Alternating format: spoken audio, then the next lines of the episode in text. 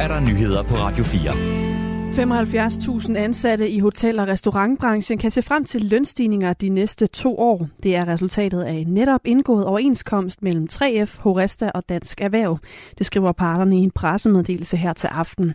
Aftalen indebærer blandt andet, at de ansatte i branchen får en lønstigning på 4,5 kroner i timen i 2023 og 2024. Samtidig bliver det lettere at imødekomme medarbejdernes behov for enten at arbejde eller holde fri i weekenderne ifølge parterne. En del af aftalen handler også om, at det skal blive mere attraktivt for arbejdsgivere og medarbejdere at gennemføre efter- og videreuddannelse. 17 procent af de danskere, der blev smittet med coronavirus tidligt under pandemien, har oplevet senfølger op til et år efter, de blev testet positive. Det viser senfølgeundersøgelsen efter covid, som er lavet af Statens Serum Institut. Senfølgerne kan komme til udtryk på forskellige måder, fortæller afdelingschef for epidemiologisk forskning på Serum Instituttet Anders Hvid. Hvis vi skal tale om det, vi kan kalde de øh, fysiske symptomer, jamen, så er det jo sådan noget som øh, udmattelse, svær træthed, øh, muskelsvaghed. Det er de her smags- og lugtesansforstyrrelser, vi har hørt så meget om os. Øh, hovedpine, Jamen, så er der også øh, nogle meget karakteristiske kognitive symptomer, som blandt andet øh, handler om søvnproblemer, koncentrationsproblemer og hukommelsesbesvær.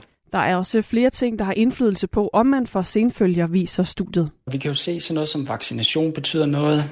Uh, vi kan faktisk se, har du fået tre doser, så har du færre senfølger end dem, der bare har fået to. Vi, vi kan se, at varianterne betyder noget. Altså, de tidlige varianter fra starten af pandemien, og så den her Delta-variant, de er forbundet med at have flere senfølger end den senere variant, Omikron-varianten. Studiet peger også på, at kvinder og midaldrende oplever flere senfølger end yngre og ældre. Samtidig betyder det også noget, om man havde en kronisk sygdom, inden man blev smittet. Flere end 840.000 borgere i Danmark har deltaget i undersøgelsen, og det gør den til den største af sin slags i verden. Tidligere teaterdirektør for Avenue T og nuværende folketingsmedlem for Moderaterne, Jon Steffensen, vil have undersøgt den lydfil, der er central i anklagerne om en forfalsket underskrift, det skriver børsen. Formanden for Avenue T's bestyrelse, Henning Dyremose, har udtalt, at Jon Steffensens fyring fra teatret blandt andet skyldtes, at han havde forfalsket et bestyrelsesmedlems underskrift. Men det nægter Jon Steffensen, og han har derfor anlagt en injuriesag mod Henning Dyremose. Det er i den forbindelse, at Jon Steffensen og hans advokat har kaldt, krævet et såkaldt syn og skøn, hvor en ekspert skal besvare spørgsmål om lydfilen til brug i retssagen. På lydfilen kan man ifølge en whistleblower, der var øjenvidne og har optaget lydfilen, angiveligt høre Jon Steffensens forfalske bestyrelsesmedlem Jakob Højers underskrift. Hidtil har der kun været en kort lydfil på 14 sekunder fremme, Undskyld, men børsen har i dag bragt den fulde lydfil, der er mere end 3 minutter lang. Rusland foreslår at forlænge kornaftalen, der sikrer, at korn kan eksporteres fra Ukraine via Sortehavet med 60 dage. Det siger landets viceudenrigsminister i en udtalelse efter et møde med FN-repræsentanter i Genève, skriver Reuters. Kornaftalen er blevet forlænget flere gange, senest med 120 dage i november, og den står lige nu til at udløbe den 18. marts. Ukraine er en af verdens største kornproducenter, og landet eksporterer blandt andet hvede til store dele af verden. Kornaftalen sikrer, at korn kan sejles fra tre ukrainske havne via Sortehavet, uden at blive angrebet af russisk militær.